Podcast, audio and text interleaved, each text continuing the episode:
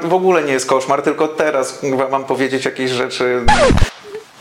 Sprzedaż mieszkań przez chwilę praktycznie stanęła. COVID zatrzymał wszystko, a wojna napędziła najem. Dla mnie to zawsze jest koło zamknięte. Kredyt 2%, który wpłynął e, nie bezpośrednio. Teraz, no to wyprzedaż wszystkich mieszkań praktycznie, które były dostępne na rynku do 800 tysięcy, nawet do miliona.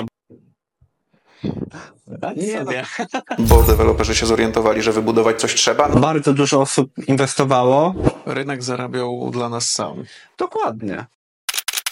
Znalezienie inwestycji to jest obejrzenie 100 mieszkań. Myślę kwestia szczęścia, bo Cześć, ja nazywam się Piotr Żurek i witam Was w naszej nowej formule na temat nieruchomości. A ze mną jest Maciej, mój kolega z biura. E, Cześć, ja nazywam się Maciej Borowik, e, jestem pośrednikiem oraz inwestorem w nieruchomościach. A ja jestem pośrednikiem z ośmioletnim doświadczeniem, liderem i szkoleniowcem w naszym biurze. Dzisiaj porozmawiamy o wyzwaniach i możliwościach, z jakimi ostatnio mierzymy się w, na rynku nieruchomości. Maćku, y, ostatnio na portalu Nieruchomości Online dowiedziałem się, że ze statystyk wynika, iż na rynku wtórnym aktualnie jest 20% mieszkań mniej niż było na początku roku. Jak to wygląda z Twojej perspektywy jako pośrednika? To znaczy, ja zaobserwowałem spadek ofert na rynku, codziennie przeglądam oferty, m, przeglądam rynek, zapoznaję się z nim. Nawet nie przeglądając statystyk, zauważyłem dużą różnicę, jeżeli chodzi o oferty. A mogę powiedzieć nawet brak e, ofert, ponieważ, ponieważ jest dużo mniej porównując do poprzednich lat. I zgadzam się raczej z tymi statystykami e, z tego względu, że no, tak jak już wspomniałem, zaobserwowałem to też osobiście, przeglądając oferty na co dzień. No ja również aktywnie działając na rynku mm, miałem kilka sytuacji od połowy roku, kiedy szukałem mieszkań dla klientów i rzeczywiście ta dostępność była znacznie ograniczona. I teraz zastanawiam się od dłuższego czasu, co na to wpłynęło. Czy uważasz, że głównym czynnikiem był bezpieczny kredyt? Ja myślę, że duży procent na to wpłynął bezpiecznie kredyt 2%, natomiast wpłynęło na to wiele czynników, począwszy od mm, roku 2022 e, i wybuchu wojny na Ukrainie. Myślę, że to tak jakby zaczęło tak jakby całe to koło. Po wybuchu wojny w Polsce tak jakby sprzedaż mieszkań przez chwilę praktycznie stanęła, tak? Było, zaobserwowaliśmy już podobną sytuację podczas COVID-u, kiedy była sytuacja na rynku zrobiła się bardzo podobna, tak samo po wybuchu wojny. Bardzo dużo osób zrezygnowało z zakupu nieruchomości bądź przeciągało to na późniejszy okres. Niektórzy zdecydowali się po 3-4 miesiącach już był, można było zaobserwować wzrost sprzedaży na rynku i wzrost e, tak jakby ruchu w nieruchomościach. Natomiast tak jakby to wszystko rosło systematycznie. No i w 2023 roku ta sprzedaż była jeszcze lepsza, natomiast informacja o kredycie 2% też niektórych wstrzymywała do tego zakupu i to było największym tak jakby czynnikiem tutaj, które wpłynęło na, na ten rynek, tak? Natomiast zbieg wszystkich sytuacji e, miało, miało tutaj skutek, który obserwujemy dzisiaj. To, co ja jeszcze zauważyłem, to kredyt 2%, który wpłynął e, nie bezpośrednio jako, sa- jako sama możliwość e, wzięcia kredytu, natomiast wcześniej ci, którzy z kredytu nie chcieli skorzystać, spodziewając się znaczącego wzrostu cen od początku lipca, rzucili się na mieszkania już pod koniec pierwszego kwartału 2023 roku, co y, dało się już w maju i czerwcu moim zdaniem odczuć i pod postacią z mniejszej ilości ofert, no i też y, wzrostu cen, a przynajmniej cen ofertowych. E, tak, zgadza się, bo tak jakby kiedy były już oficjalne informacje od naszego rządu o programie kredytu 2%, e, większość osób, które chciały sprzedać swoje mieszkanie, wystawiało je w zawyżonych cenach em, do obecnego rynku i czekali już na tych klientów, którzy będą z tym kredytem, tak? I, i sam Piotrku na pewno się spotykałeś, jak chodziłeś na rozmowę, rozmawiałeś ze swoimi klientami, pytałeś skąd ta cena, to większość osób mówiło, że czeka właśnie, że już klienci kredytu dwuprocentowego rozglądali się zanim ten program w ogóle wszedł, e, rozglądali się za nieruchomościami, próbowali rezerwować i tak dalej. I w momencie, kiedy program ruszył, uruchamiali procedurę kredytową i procedurę zakupową, tak, finalizując e, temat nieruchomości. Więc tak jakby bardzo duż, w bardzo dużym stopniu kredyt dwuprocentowy miał wpływ na, na to, co się działo na, na rynku, tak. Tak, zauważyłem też, że klienci tuż przed y, wprowadzeniem kredytu, klienci sprzedający, najczęściej twierdzili, że nie będą negocjowali ceny, wolą poczekać do lipca i y, myślę, że jednak kredyt 2% pośrednio lub bezpośrednio no, w największej mierze przyczynił się do sytuacji, z którą mamy do czynienia teraz, ale też nie pomijałbym tego uśpionego popytu z 2022 roku, o którym mówiłeś.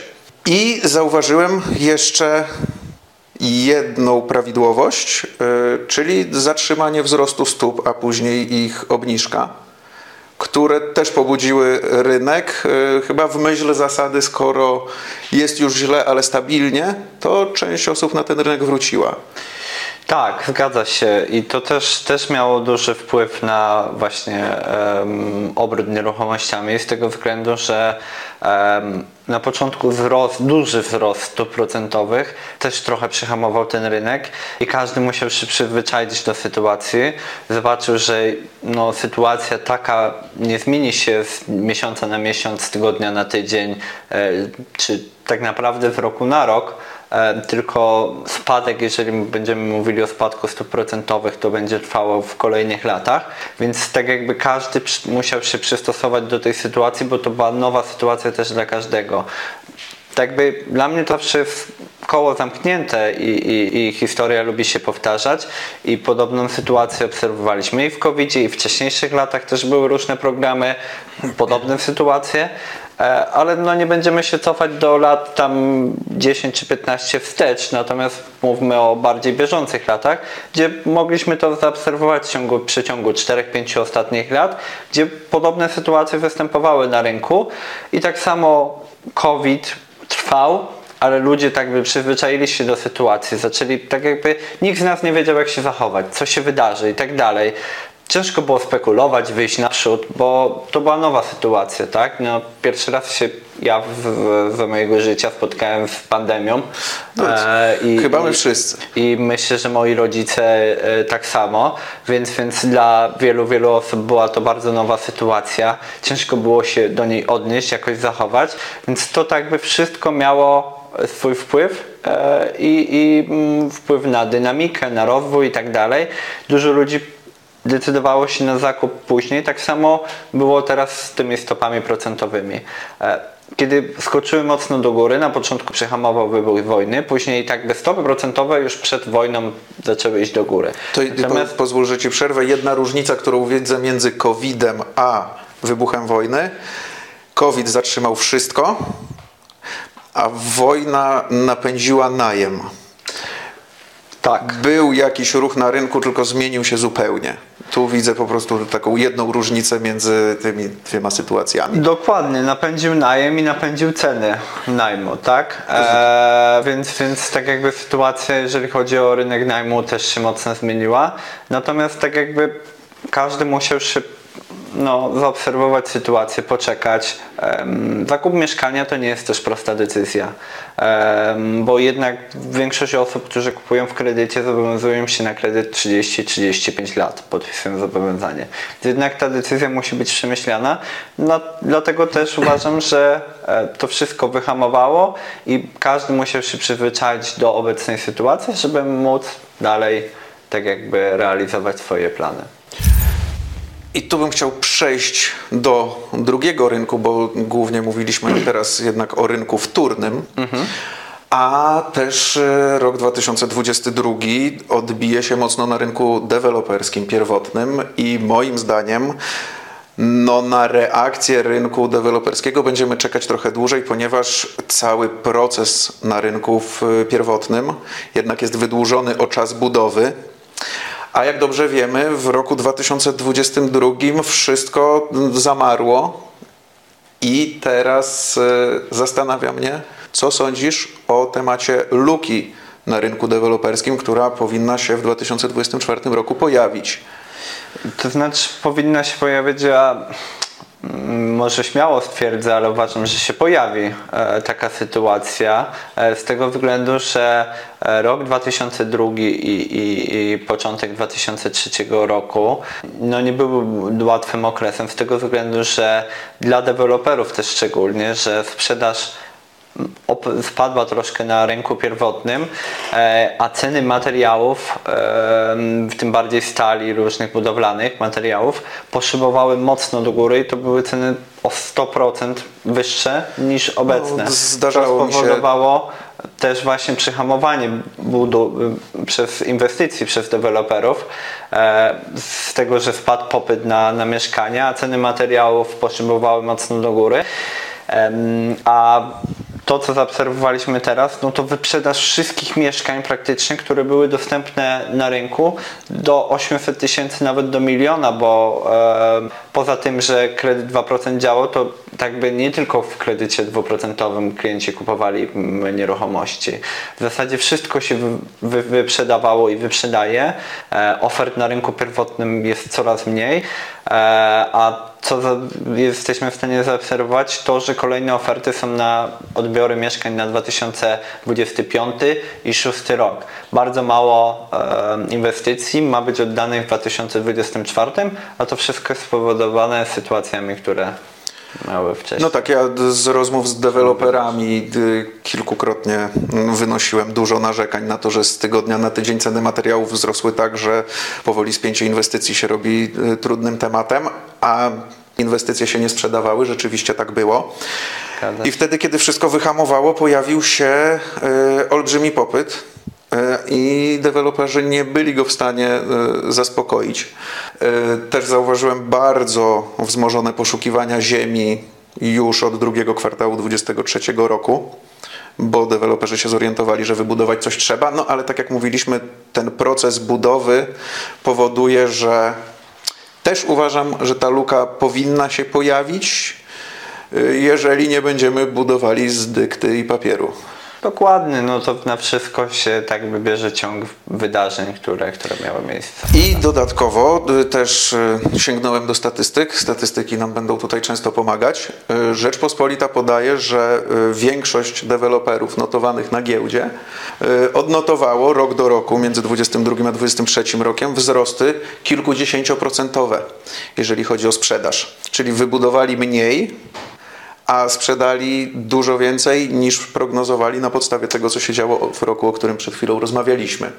Maćku, y, jak już wspomniałeś na wstępie, mm, jesteś również inwestorem. Mm, Jak wiem, y, też pracujesz często z inwestorami. Y, Chciałbym, żebyś nam tak ze środka, z samej akcji opowiedział, jak ta sytuacja, o której rozmawialiśmy, mm, wpłynęła na działania inwestorów.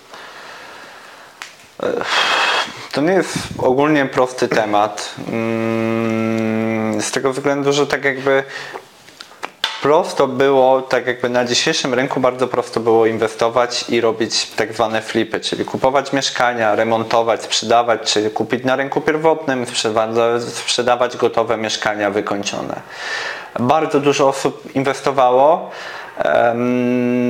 Duży procent tych osób nie miało do końca pojęcia o tym, co, co robią. Natomiast sytuacja na rynku, gdzie wzrost cen był tak duży, jak mogliśmy zaobserwować w ostatnim czasie, pozwalała tak naprawdę każdemu na inwestowanie w nieruchomości i mieć przy tym wszystkim zysk, tak? Więc, więc tak jakby em, obecna sytuacja, która była do tej pory, była bardzo prosta, jeżeli chodzi o inwestowanie.